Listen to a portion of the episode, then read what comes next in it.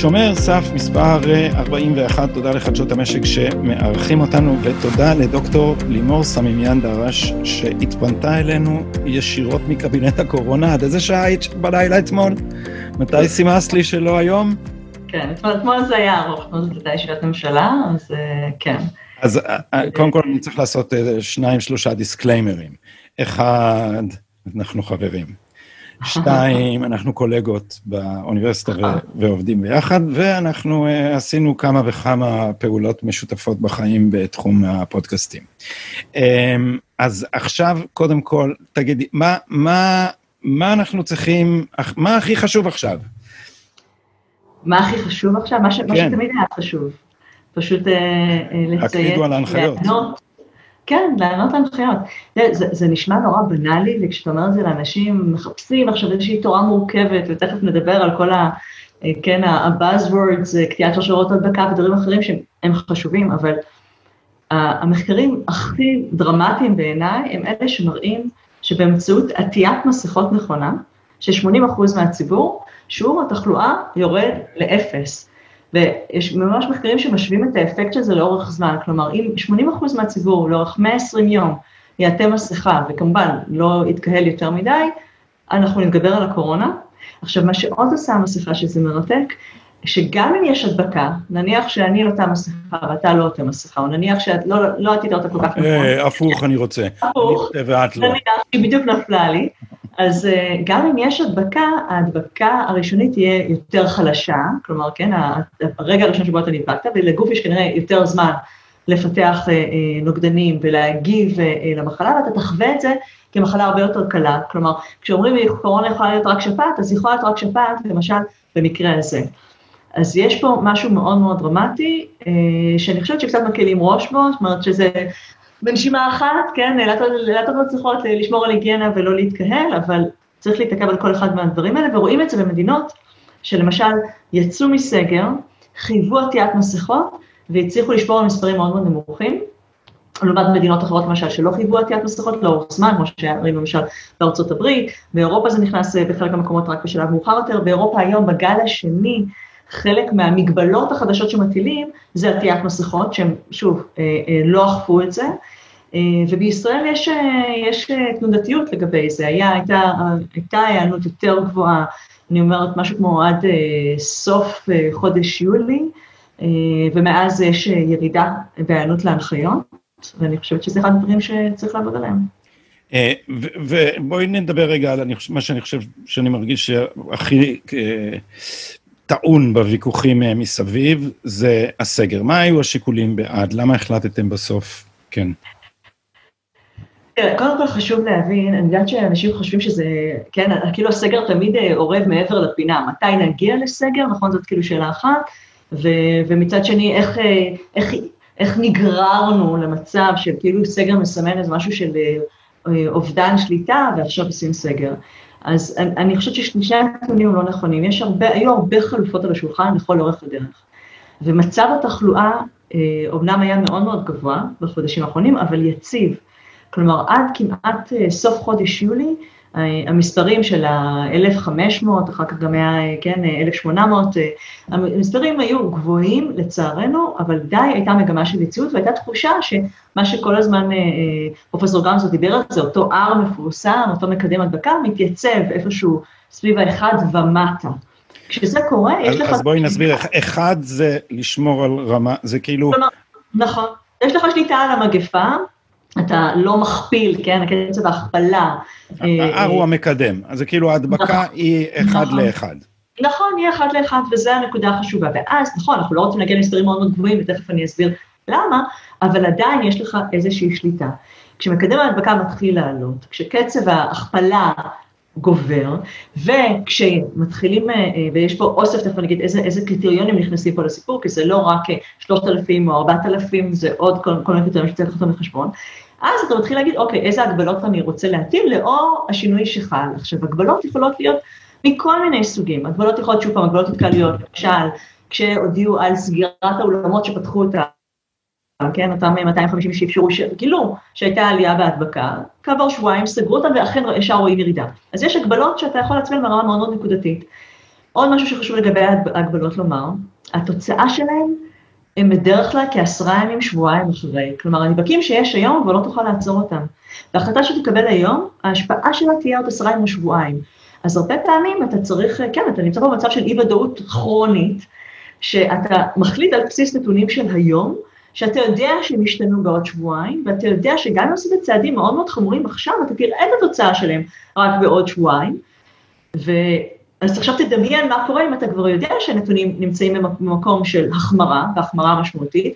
אם לא תנקוט בהגבלות כעת, יש סיכוי שבעוד שבועיים, אני לא אומרת תצא מכלל שליטה במובן של איזה, כן, אה, אה, יום הדין, אבל, אבל, כן. אבל שליטה במובן של יכולת לנהל את המגפה בצורה שבה אתה רוצה לנהל אותה, ואתה רוצה לאפשר למשק לתפקד בצורה מרבית, אז כן, אתה יכול לא, לא להמשיך לשמור על, ה, על היתרון הזה שהיה לך בניהול המגפה. אז מה את עונה כן. נגיד עמית סגל שאמר, אז אם סגר, אז למה לא עכשיו מיד? הרי עוד שבועיים, כמו שאת אומרת, יהיה יותר חמור. אז עכשיו אני אגיד, על, נכון, אתה בטח זוכר את הדיון שהיה על הערים האדומות, על הרמזור, על סגר לילי שהטילו על, על, על, על אותן ערים אדומות. אז עד באמת, אה, שוב, סוף יולי, אמצע אוגוסט, היינו במצב, שוב, של יציבות מסוימת. מאמצע אוגוסט רואים את זה, עכשיו רואים אגב את הנתונים האלה גם לגבי התחלואה הנומינלית, כלומר המספרים המוחלטים של הנדבקים, רואים את זה גם בשיעור החולים הקשים, שזה מונח שכולם מדברים עליו עכשיו, נכון? עלייה בחולים הקשים ומה זה אומר, ורואים את זה גם באחוז המאומתים מתוך הבדיקות. אז אני אסביר בעצם איך כל אחד מהדברים האלה מלמד אותנו מצב התחלואה, ואיך לפי זה יודעים מה, כן, האם המצב הוא so called טוב או רע, או איפה אנחנו נמצאים. אז מבחינת, קודם כל, נקרא לזה שיעור התחלואה, המספרים המוחלטים של שיעור התחלואה. מתי אנחנו יודעים אם 2,000 זה טוב, או 1,000 זה טוב, או, או 3,000 או 4,000 זה איום ונורא. אנחנו יודעים על זה תמיד צריך להסתכל על זה ביחס לכמות הבדיקות. כי אנחנו נעשה אפס בדיקות, יהיו לנו אפס מאומתים, כן, או אפס אה, אה, חולים חדשים, מצבנו יהיה מצוין. אם אנחנו עושים הרבה מאוד בדיקות ביום, והיום מדינת ישראל עושה, אה, יש ימים שהיא עוברת את ה-40 אלף בדיקות ביום, בדרך כלל סביב ה-30, 40 אלף בדיקות ביום, שאגב, אנחנו אה, כנראה, יכול להיות שזה משתנה היום כן, יום לא, אבל בגדול, אנחנו מקום שני במדינות ה-OECD בכמות הבדיקות ליום, למיליון איש, כלומר המדינה השנייה שעושה הכי הרבה בדיקות בעולם, בכל קנה מידה, סליחה, ב-OECD. אה, אז שוב, מבחינת כמות הבדיקות, אנחנו בודקים את כמות המאומתים. זה אומר שאם יש לי עדיין ב-3,000, ב-4,000, ב-30,000, ב-40,000 בדיקות שעושים ביום, 8, 9 או 10 אחוז של מאומתים, המשמעות היא שיש לנו שיעור גבוה של, של חולים חדשים, ושגם כשהעלינו את כמות הבדיקות, עדיין האחוזים נשארים על אותם אחוזים, כלומר, באופן אה, היפותטי, ככל שאתה מעלה את כמות הבדיקות, אם התחלואה לא עלתה, אז צריך לרדת, האחוז צריך לרדת, האחוז צריך לקטון, האחוז לא קטן. כי את כאילו בודקת יותר בריאים. נכון, בדיוק. אני בודקת יותר בריאים, הרי אם אני רוצה להוריד לכאורה תחלואה, אז בואו ניקח עכשיו, נוסיף עוד 50 אלף בריאים, ונגיד, האחוז שלנו רק 5 אחוזים. אבל אנחנו בודקים 50 אלף או 40 אלף בדיקות ביום, והאחוז נשאר גבוה, כמעט אותו דבר. אבל, אבל מה, מה העיקרון שממיין את מי הולך להיבדק ומי לא? זאת אומרת, באיזה מובן, אז, זה הרי לא מדגם, זה אנשים כן, כן. שחושדים. לא, אז זה נכון שיש פה כל מיני דברים, לא רוצה לבלבל יותר מדי, אני אגיד לך ממש ממש בקצרה, אבל כמובן, אה, מבודדים, כן, אה, בעלי אה, סימפטומים, מעגלים ראשונים, שניים וכדומה. אז ברור שמי שהולך... נוסעים לחו"ל. הוא לא...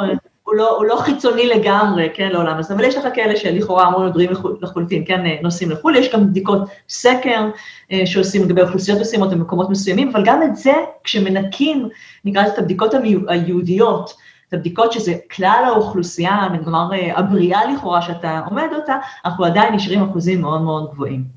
וזה קריטריון אחד. אז רק לסבר לך את האוזן, אם בשיא התחלואה במרץ, בסגר הראשון, בהתפרצות העולמית שהייתה, אנחנו היינו סביב החמישה אחוזי תחלואה, היום אנחנו, אחוזים, אחוזים, אחוזים סליחה, מסך הבדיקות, היום אנחנו על עשרה אחוזים.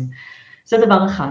גם המספרים המוחלטים במרץ, סגרנו את המדינה כשהיינו עם 700 חולים. זה היה השיא של התחלואה במרץ, היום אנחנו עם 4,000 חולים, ו- ו- ועוברים את זה גם כנראה, ואנחנו עדיין מתלבטים פה, כן, אה, לגבי מה, מה האקט שצריך לעשות. אז אין ספק לגבי הנתון הזה. אה, דבר נוסף זה שזה באמת הנתון שנכנס בימים האחרונים, אני חושבת שגם פה הייתי רוצה קצת לעשות סדר, סיפור של חולים קשים. שבעצם אה, כשפרופסור גמזו נכנס לתפקידו וכשבאמת התחילו לחשוב על, ה, הייתי אומרת, על, על יכולת הספיגה של מערכת הבריאות בבתי החולים, מה זה אומר מבחינתם הטיפול השוטף, הסיזיפי בחולי קורונה, אחד הדברים, אחד הקריטריונים שנכנסו לשיקול של לדעת מה מצב אה, אה, המדינה והיכולת אה, להתמודד עם המגפה, הייתה כמות החולים הקשים. כי בתי החולים אמרו, תראו, זה לא רק מונשמים. בגל הראשון של המגפה, באמת התרחיש היה תרחיש של איזושהי תמותה קולוסלית, כן? רואים אנשים נופלים ברחובות אה, אה, אה, באירופה, ובתי חולים, שדה, ואין מספיק מכונות הנשמה, וכדומה, וזה גם באמת היה התרחיש שעבדו עליו בישראל, או, דמיון לפחות, כן, הייתי אומרת, הקולקטיבי שדיברו עליו בישראל, ולכן לקלוט מכונות הנשמה, לקלוט ציוד נוסף לבתי החולים, מיטות אשפוז, זאת אומרת, המחשבה הייתה שאנחנו נצטרך בבת אחת לטפל בחולים קשים, נקרא לזה מונשמים.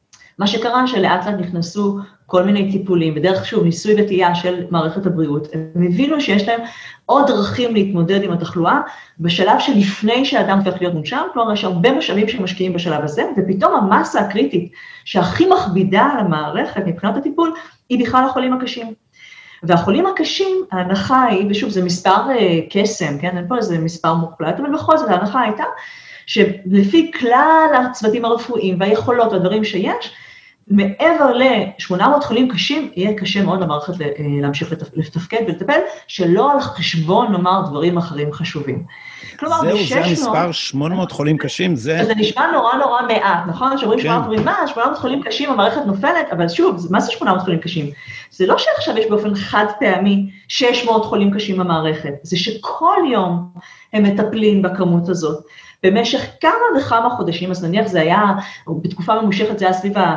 ביולי זה עוד היה לנו 370, 390, רק תבינו, תבין, יולי 370, 390, סוף יולי, אוגוסט אנחנו כבר עלינו ל-420, ובספטמבר עכשיו אנחנו כבר 490, ונכון אה, אה, להיום בבוקר, אם אני זוכרת מספר מדויק, זה היה 529, זאת אומרת, תבין גם את הקצב עלייה בחולים הקשים, כלומר, מאוגוסט אנחנו רואים עלייה משמעותית, ובשבועיים האחרונים אנחנו רואים עלייה דרמטית.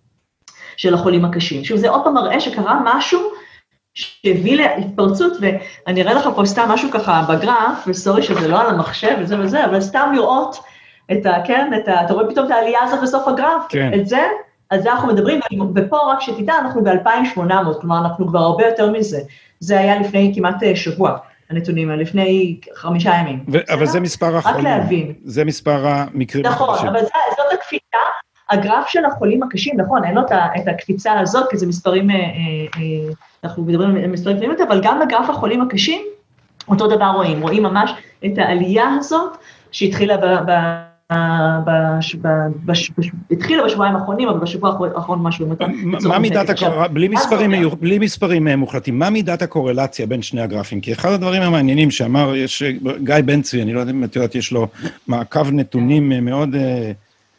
יחסית לחובבנים, כלומר לעצמאים, יש לו מעקב נתונים מאוד מאוד מסודר, והוא אומר שהקורלציה בין חולים קשים אה, למתים יורדת, ובין מספר נדבקים למספר חולים קשים. זאת אומרת, אה, אה, בתרגום יש יותר ויותר מקרים קלים של המחלה. אז שוב, יש בסך הכל הרבה יותר נדבקים. בתוכם, באופן, בוא ניקח רגע, בוא נתחיל שיעור תמותה. אם היום שיעור התמותה במדינת ישראל עומד על כ-0.8, כן, של האחוז, או אחוז אחד, זה פחות חשוב. מתוך החולים המאומתים. הוא מסך החולים בדיוק המאומתים. כלומר, על 4,000 חולים חדשים ביום, אנחנו מדברים על כמעט בצורה דטרמיניסטית 40, 40 מתים. זאת המשמעות של זה. אוקיי? Okay? אז שוב, כשאנחנו מעלים את שיעור התחלואה, בוודאי שהמספרים האלה מושפעים. גם אם עדיין יש במדינת ישראל יותר מחלימים מחדשים שנכנסים למערכת, ובגלל זה מצבנו היה טוב, ובגלל זה גם, במיוחד בתחילת הגל השני, הפער היה עדיין כל כך גדול, שזה, זה, שאתה אומר, אוקיי, אני, אני עדיין, כל המטרה הייתה להוציא, כן, להוציא חולים לפני שנכנסים חולים, כדי לשטח את העקומה. היום זאת לא הבעיה, היום הבעיה, אני חוזרת שוב לסיפור של החולים הקשים. כששיעור החולים הקשים מגיע למשהו כמו 600, בעצם, אני אומרת, למה אומרת 600? כי אם, אם, אם, אם הייתה קפיצה כזאת, כלומר שקצב ההכפלה שלהם הוא של אה, שבועיים נניח, או שלושה, אתה חייב לעצור, כי ב-800 זה, זה כבר יהיה too late. עכשיו, אני רוצה לחזור למה שאמרתי קודם, זה שכל יום שהצוותים הרפואיים צריכים לטפל בכמות הזאת, ונכנסים כ-50 חולים, עד עכשיו היה בערך 40 חולים חדשים, חדשים בחודש, ביום שנכנסים, 40 חולים חדשים נכנסים למערכת כל יום, עכשיו 50 וגם 60 נכנסים למערכת, חדשים כל יום, בנוסף לקיימים, חלק מהם מבריאים, חלק מהם נפטרים, חלק מהם הופכים להיות אה, בסטטוס אחר, כלומר, המערכת לאורך זמן מתחילה להישחק, הרבה חודשים של אותם צוותים שעובדים, המערכת מתחילה להישחק, ולכן זה היה קריטריון, זה לא משהו שקרה לנו. הקריטריון היה שתפקידה של הברמטר, מה שדיברו על הברמטר, הברמטר של בתי החולים, כן? התפקיד שלהם היה לבוא ולהגיד, להתריע, לא כשזה סוף העולם, אבל כשיש מספיק זמן לעשות הגבלות נוספות נוקשות, לבוא ולהגיד שהנקודה הזאת הגיעה. ואכן, זה מה שהם אמרו בזמן האחרון. עכשיו, עוד משהו שצריך להפריך ולדבר עליו. זה לא שמערכת הבריאות לא התכוננה, היא גייסה כאלפיים אחיות חדשות ו-600 אה, רופאים חדשים, ושוב, אני אומרת את כל הציוד הרפואי שצריך, אבל זה אף פעם לא מספיק, במספרים כאלה, מוחלטים, שוב, 4,000 חולים חדשים ביום, מעל 500 חולים קשים, זה גיוון שלכל מערכת הבריאות יהיה קשה להתמודד עם זה, ולכן צריך לעצור את זה וצריך להוריד את זה בצורה משמעותית כדי שתוכל לנהל שגרת קורונה. רק לסבר לך את האוזן, בספרד הודיעו על, ה, על המספר הגבוה ביותר אה, שהיה מאז פרוץ המגפה, זה היה בשבוע האחרון, וזה היה כ-9,000 חולים חדשים, שוב, מספר מוחלט ביום, אז ה-9,000 שלהם זה מספר, בצרפת זה היה, וגם בספרד כבר הגיעו ל-10,000 חולים ביום, וזה היה המספרים שהם אמרו הכי גבוהים מאז פרוץ המגפה. כלומר, המספרים האלה גם ברמה מוחלטת של 4,000 הם מספרים מאוד מאוד גבוהים שצריך לטפל בהם, ובהינתן שוב כל מה שאמרתי על אחוז המאומתים במצב החולים הקשים. עכשיו, כשזה קרה, וכשעקבו אחרי המגמה ואמרו, אוקיי, המגמה הזאת היא לא מגמה יציבה, אבל זאת גם לא עלייה מדורגת כבר, זה לא שיש לך, שוב, עוד טיפה, עוד מספרים מודדים, עוד אה, אה, שינוי קל באחוזים, אלא יש פה שינוי דרמטי, כן, במספר הנדבקים והחולים הקשים, הובא, כן, הובן שצריך ל, ל, לקבל פה החלטות טיפה, נקרא לזה, יותר קשות במובן הזה, כי תמיד קל לבוא לספר לציבור שאתה פותח את המשק, ואתה מאפשר תרבות, אתה מאפשר דברים שאולי לא ניתן היה לעשות לפני כן, ועכשיו צריך לבוא ולהגיד, לא, הגיע הזמן להיעצר ולהדק את החגורה ולצמצם ולסגור, אבל אני, אני, כן, לעניות דעתי, לא חושבת שהייתה פה ברירה אחרת, ושוב, לא נגררו לזה, הבינו שזה יכול לקרות, הצעדים האלה, הכלים האלה היו בתוך אה, סל של כלי מדיניות. אני רוצה לחזור לסיפור של הסגר הלילי, כי זה גם חשוב. כי אז אומרים, אוקיי, אז למה לא עשיתם צעדים דיפרנציאליים, נכון? למה, למה לא טיפלתם בערים האדומות, או כמה זמן לקח להעביר את הרמזור? כן, או, או לשאול את השאלה, למה, למה צריך סגר בבאר שבע, עיר ירוקה? סליחה, למה צריך? סגר בבאר שבע, עיר ירוקה. זה, זה ככה כן. שמעתי את השאלה מנוסחת. אז, אז קודם כל, כש, כשדיברו על צעדים דיפרנציאליים, היו בארץ, אה, כן, הלכנו לשאול עם 20 ערים, 20 ערים אדומות והתעוררנו עם, אה, עם, אה, עם, סליחה, עם 30 ערים אדומות והתעוררנו עם 40. כלומר, גם כשדיברו על הצעדים האלה, התחילה המגמה הזאת של השינוי, זאת אומרת, לאט לאט התברר שיש יותר ערים אדומות. לאחר מכן, אני כבר רק להסביר, אתמול כבר דובר על 70 ערים אדומות. אני אומרת לך, כן, תוך שבוע עברנו מ-30-40 ל-70 ערים אדומות, ומעל ל-40 אחוז, ואם אני יודעת כבר 45 אחוז מהארץ, הן אדומות או כתומות. כלומר, אנחנו מתכוונים, מצב שהתחלואה היא בכלל לא מקומית כבר, היא חוצה את כל המגזרים, ושוב, אם אני חוזרת לאחוז המאומתים, אחוז המאומתים הקבוע הוא כבר נמצא, לצערנו, זאת רעה פולשה בכלל המדינה. ואז למגבלות המקומיות כבר אין משמעות, שוב, אם אנחנו עושים אותה עכשיו, ואנחנו יודעים שאת התוצאה שלה אנחנו נראה בעוד שבועיים, אז אתה כבר לא יכול לשחק פה בעניין הזה. לפני חודש, יכול להיות שזה היה מספיק, היום אנחנו במצב שהתחלואה התפשטה לעוד מקומות, ולכן אתה חייב לעשות צעדים כלל ארציים. אז, היו, אז היה צריך לעשות את זה לפני חודש? המספרים היו שונים, קצב התחלואה היה שונה. אני אומרת לך, לפני חודש המצב היה יציב, גבוה אך יציב. ועכשיו, מה היה עם הרמזור? תוכנית הרמזור, תוכנית שלקח הרבה זמן לגבש אותה, לא כי עיכבו אותה, כי היא תוכנית מאוד מאוד יסודית. תחשוב אני לא יודעת אם אף אחד לא טורח, כן, לקרוא את כל התוכנית, אלא מסתכלים על איזושהי טבלה של, אה, כן, של צבעים, אבל התוכנית עצמה היא, היא עבד כרס, היא כוללת את, באמת את כל הדברים שצריך ברמה המקומית, וכל ההגבלות והמשאבים שמשקיעים ברמה המקומית, והיינו צריכים לגבש אותה עם הרשויות המקומיות ועם פיקוד העורף, ו, אה, וגם כדי להחליט אה, איזה, באיזה, באיזה מערכת, איך אתה מחשב בכלל, מה זה עיר אדומה, כתומה או צהובה או ירוקה, כן, זה, זה, זה, יש פה גורלות של אנשים שלפעמים מוחלטים לגבי זה, אז זה, זה תהליך מאוד מורכב לגבש כזאת תוכנית, זה לא סתם לקבוע, שוב, מספר מאומתים ואתם אדומים, אלא זה אוסף של פרמטרים. ועל בסיס זה לאפשר עבודה מקומית, כלומר, הרבה מהעבודה של תוכנית הרמזור זה לא עונש, זה איך אני, איך אני מייצר, כן, קטיעת שרשרות הדבקה מקומית, הסברה מקומית, עבודה עם ראשי הערים, שהדבר הזה לא יחזור לעצמו לאורך זמן, וכמובן גם הגבלות מקומיות. זה תהליך מאוד מורכב של משרד הבריאות ופרופסור גמזו עשו ביסודיות יתרה, במובן הטוב של המילה, כן, להביא תוכנית מפורטת, וגם שעושה סדר בהגבלות, שאומרת, כל הזמן אמרו, ההגבלות לא ברורות, נכון? או במובן הזה של למה זה פתוח ככה ולמה זה סגור ככה, כן? אז לעשות איזשהו סדר ברציונל של ההגבלות, זה לוקח זמן, וכשעשו את זה, היינו במצב תחלואה מסוים. כשסיימו את התוכנית הזאת, הבינו ש, שהיא נכנסת, היא נכנסה לתוקפה בתחילת ספטמבר, בשישה בספטמבר, אבל הבינו מהר מאוד שיש פה כבר קפיצה בערים האדומות, זאת אומרת, יש יותר ערים אדומות ממה שחשבו, ואמרו, אוקיי, נעשה להן פעולה כירורגית מיידית. כשהפעילו את הפעולה הכירורגית המיידית, קרה, קרתה ההתפרצות של השבוע האחרון, שעליה, אותה הזהירו אגב המומחים, הזהירו לפני כן שזה יכול לקרות. עכשיו, גם זה חשוב, ובטח גדי אתה יודע, בתור אקדמאי, יש מלא מודלים ומלא תחזיות, ו- ויש את אלה שנורא אוהבים להגיד שהתחזית שלהם תמיד עובדת, וכל אחד ככה מנסה להתפאר ביכולת הניבוי שלו. אני היסטוריון, לימור. את יודעת שאצלנו ההיסטוריונים, כן. אנחנו הולכים רק לעבר, יש לנו פטור ממודלים. אתם יודעים רק לנבא את העבר. כן, אנחנו יודעים לנבא את העבר, גם לא מאוד בדייקנות. את יודעת איך אמרו אצל... אצל השלטונות הסובייטים, ששם שכתבו את העבר כל הזמן. אמרו, לפי המרקסיזם, העתיד בטוח, הבעיה שהעבר כל הזמן משתנה. אז אנחנו, נכון. ההיסטוריונים אצלנו, העתיד פתוח. אבל סגר, אה, אמר לי, נגיד, חיים רמון, אני, נוקע, אני, אני משחק פה את yeah. אה, כן. פרקליט השטן. חיים רמון, שראיינתי אותו פה באריכות, ב, ב, רציתי לראיין אותו על מערכת המשפט, הוא אמר, תשמע, הייתי שר בריאות, תן לי עשר דקות על הקורונה. נתתי לו עשר דקות על הקורונה, היה מאוד מעניין, אבל הוא אמר, תשמע, הסגר הזה זה שטות מוחלטת. הרוב הגדול של הנדבקים הם צעירים, מתחת לגיל 65 כמעט אין מתים. אז כמו שלא הופכים את העולם בשביל דום לב בגיל 30, שקורה לפעמים, אבל זה לא תופעה. צריך לתת, הצעירים, צריך להגן על הזקנים, ולתת לצעירים לצאת לעבודה, שידביקו אחד את השני, ידביקו, יבריאו, והכל יהיה בסדר. מה אתם אומרים על זה? אז אני אגיד רגע משהו לגבי, אה, לגבי תמותה, שזה גם נתון שחשוב, שזה גם אחד הדברים שרואים. שוב, החציון אה, של התמותה הוא 80, זה היה 82 או 80, כן, זה סביב ה-80. גיל. מה זה אומר? זאת אומרת, 50 אחוז הם לא בגילי ה-80, הם מתחת. ויש לך לא מעט, אין לי עכשיו את הגרף לנגד עיניי, ויש לא מעט בגילי ה-50 עד 59 ו-60 עד 69.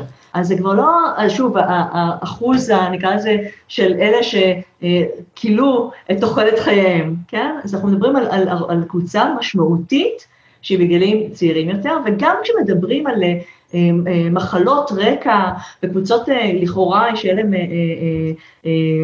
איך קוראים לזה, כן, מצב רפואי מוקדם, בעייתי, הרבה פעמים זה, אנחנו לא מדברים פה על איזושהי תחלואה קשה מוקדמת, אלא השמנת יתר, כן? והיא יכולה להיות קריטריון לכך שיש לך סיכוי תמותה גבוה יותר. אז גם פה רואים משהו שהוא, שחשוב לקחת אותו בחשבון, ושוב, המספרים במדינת ישראל היו מאוד נמוכים בגל הראשון מבחינת שיעורי התמותה, והיינו באמת בין המקומות הכי, הנמוכים ביותר בעולם, ושוב, בתוך ה-OECD היינו בראשון, השני או השלישי במשך תקופה ממושכת, אבל מאז אנחנו רואים שבחודש יולי ובחודש אוגוסט מתווספים לנו מאות של מתים בחודש. זה כבר לא סך הכל 300 או 380 שהיה סך כל הגל הראשון עד, עד סוף אה, יוני אפילו. אנחנו עלינו מסוף יוני לעכשיו למעל אלף מתים בתקופה, בחודשיים, בחודשיים האחרונים שבעצם התווספו לנו כ-600-700 מתים. ואם המספרים האלה נשארים, המצב שאנחנו לא נשארים, זה רק ילך ויגדל. עכשיו, גם היתרון הזה, שהוא יתרון חשוב, שהיה לנו אותו בגל הראשון, גם אותו, גם עליו אנחנו צריכים לשמור, גם על, גם על החיים האלה אתה רוצה לשמור, אתה לא רוצה במצב שיש לך 13 אחוזי תמותה שהיה בבלגיה, או אפילו 5 אה, אה, אחוזי תמותה שהיה בגרמניה. אתה לא רוצה להגיע למספרים האלה אם אתה לא חייב. אה, זה נקודה אחת. נקודה שנייה, לגבי, שוב, נדבקים צעירים, הם, הם לא אינוסנטים. הרי בסוף, איך המבוגרים נדבקים? מאותם צעירים, כי אם המבוגר נשאר, אתה, אתה לא כולא אותו. בסדר? הוא כן יכול לצאת, אפילו גם אם הוא יוצא בשעות מסוימות, או עבר במעלית, הוא יכול להידבק. אז בסוף הצעירים מדביקים את המבוגרים, שמדביקים את הזקנים, והתחלואה, שוב, היא חוצה את המגזרים, היא חוצה את כולם, כשהיא מגיעה לרמה כזאת של התפשטות, אתה כבר לא נמצא במקום הזה. וביחס למחיר אה, הסגר, ביחס למחיר הסגר, כי... זהו, עכשיו למחיר הסגר, אני חושבת שזאת השאלה הכי חשובה. אמר את זה אה, אה, יפה אחד המומחים אמר, אנחנו תמיד חושבים במחיר הסגר רק באמת על אותם אה, שבועיים, שלושה, שבהם, וזה חמור וזה קשה, ואין לי שום טיפת, לא מקלה בזה ראש כהוא זה, שבהם הכלכלה נפגעת, ולא משנה עכשיו תכף נדבר על הסגר הזה שהוא סגר נושם, אבל באופן גורף, אין ספק. אבל גם כשאנשים חוששים, וגם על זה יצא מחקרים, חוששים לעשות קניות, חוששים להסתובב בצורה חופשית בגלל הקורונה, בגלל שהם מבינים פתאום שיש 4,000 נדבקים ביום, הם אומרים, אוקיי, זה לא מה שהיה לפני חודשיים או שלושה שהיינו על 500. אז כשאנשים חוששים, אז יש פחות uh, מסחר, ושוב, הכלכלה בעצם נכנסת לסוג של uh, התמתנות וויסות עצמי, זה דבר אחד שקורה, כשאנשים נכנסים כל שני וחמישי לבידוד, כשמספרים כאלה, 4,000 חולים, מעגלי הדבקה, אם יש לך קטיעת שרשראות הדבקה טובה, אתה אמור לאתר הרבה אנשים שהיו במעגלים הללו, המון אנשים נכנסים לבידוד. כל שבועיים שאתה נכנס לבידוד, שוב, זה פגיעה אוטומטית, כן, שלך, בין אם זה בהכנסה, במשק או בדברים אחרים. אז גם אה, דשדוש, אה, ופה זה כבר לא מספרים בינוניים, אבל גם אה, הישארות במספרים גבוהים לאורך זמן, שהמשמעות שלהם היא פגיעה איטית בכלכלה, כן? והמשמעות שלהם היא, היא, היא בידודים בסדרי גודל של מאות אלפים שיש בו זמנית בבידוד. זה פגיעה בכלכלה לאורך זמן. אז עכשיו אתה צריך לשים את זה על המאזניים. אם אתה יכול לאורך זמן לאזן, אתה אומר, אוקיי, הפגיעה הזאת בכלכלה, עם הבידודים ועם הריסון העצמי שקורה לאוכלוסייה שחוששת, אה, נניח, לצאת באופן, כמו שהיא הייתה לצאת לפני כן, נניח, החוצה, לעומת מצב התחלואה, האם אני מוכן לשאת בזה, או שאתה אומר, מצב התחלואה מגיע למצב כל כך גבוה, שזה בעצמו מהווה פגיעה בחיים וכלכלה ביחד, זה לא מופרד, לכן אני עושה את האקט הזה לתקופה קצרה יחסית, ואני רוצה להגיד משהו על הסגר הנוכחי, כי הסגר הנוכחי בעצם הייתה פה החלטה לעשות, אפשר לקרוא לזה או סגר נושם או uh, מתווה מודע, כי יש לו כל מיני uh, כותרות יפות, אבל זה באמת לא, זה לא אותו סגר של מרץ-אפריל, זה סגר שמאפשר יחסית לכלכלה לתפקד יותר טוב ממה שהיה אז, בתקווה שאנשים ישמרו על המגבלות, שוב, אם אנשים ילכו לעבודה במשרד, או גם אם זה בלי קבלת קהל, אבל ישבו עם עוד בן אדם אחד, בלי מסכה, אז, אז הם לא עשו בזה שום דבר. אז כן? אולי זה, זה, זה, זה הרגע בשיחתנו לעצור ולהגיד, רגע, מה כן. הכללים של הסגר הנושם? כי אני מניח שזו אחת השאלות שהכי, אני גם מאוד רוצה לדעת. מה יהיה מותר לנו ומה אסור? מה כן. נוכל לעשות ומה לא? אנחנו מתחילים בשישי אחר הצהריים, נכון? כן. אני אגיד, אני אגיד בגדול, אבל גם אה, יהיה על זה עמדת אה, מידע מסודר, גם של משרד הבריאות, ו... ואני מקווה גם שנראה את זה בדרך האתרים הפורמליים, אבל דברים ש, שחשוב להבין, זה חשוב להבין את הרציונל.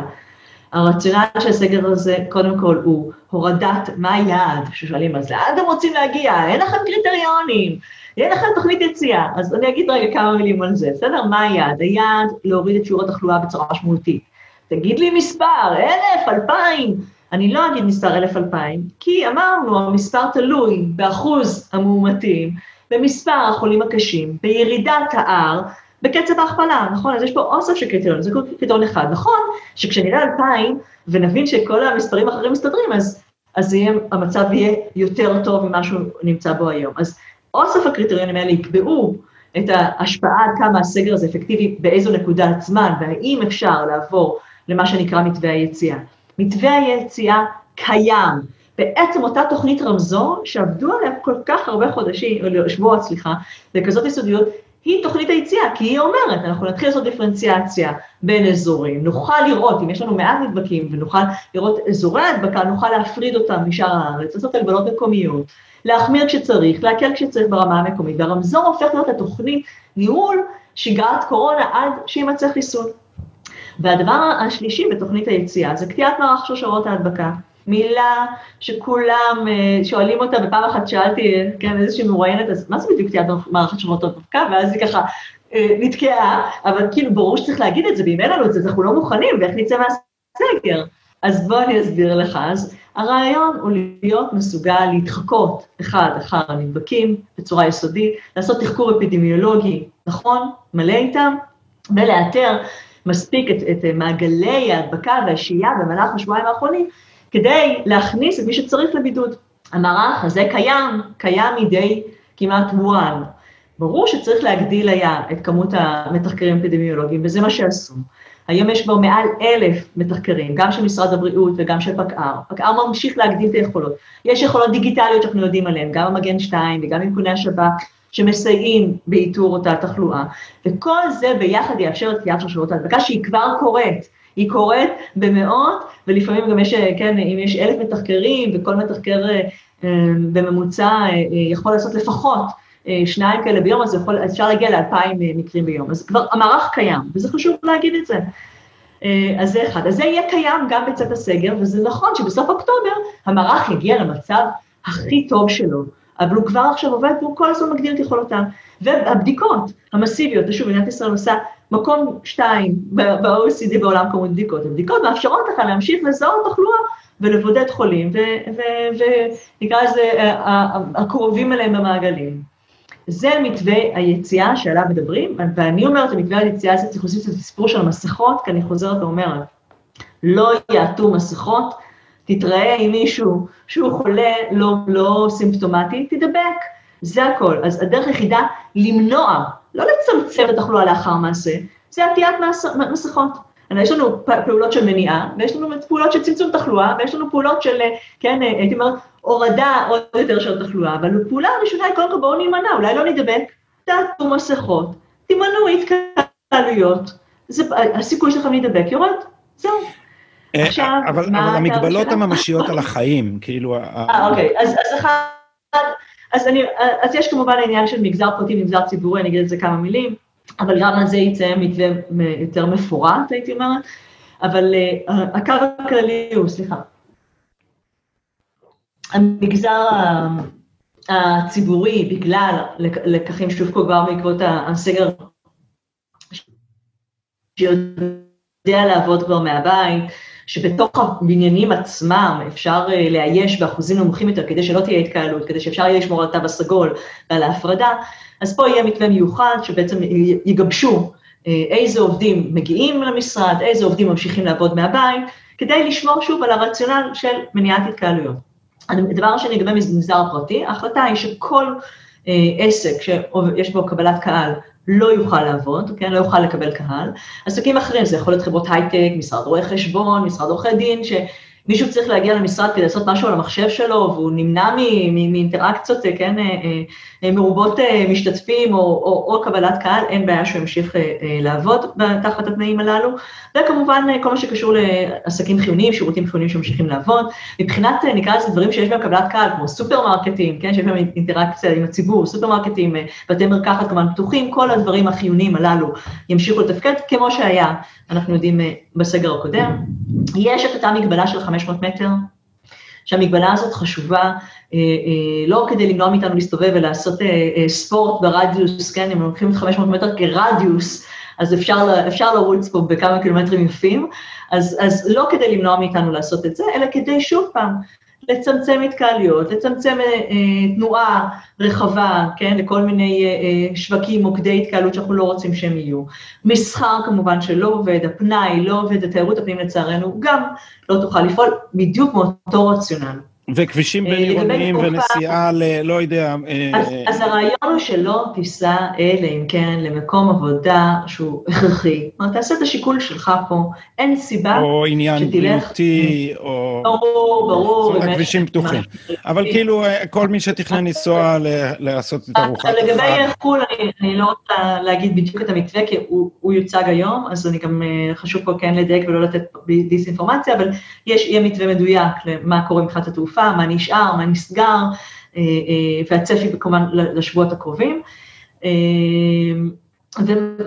וכמובן גם דובר על זה שיש מתווה תפילה מיוחד לחגים, וגם פה אמרו, צריך להיות מתמטיקאי בשביל להבין את המתווה וכדומה. בגדול, המתווה באופן כללי של התקהלות הוא עשרה אנשים בפנים, אם חייבים, כן, להתקהל, אני אומרת, לא צריך, תימנעו מזה, אין סיבה להתקהל עשרה אנשים שזה לא מאותו בית אב.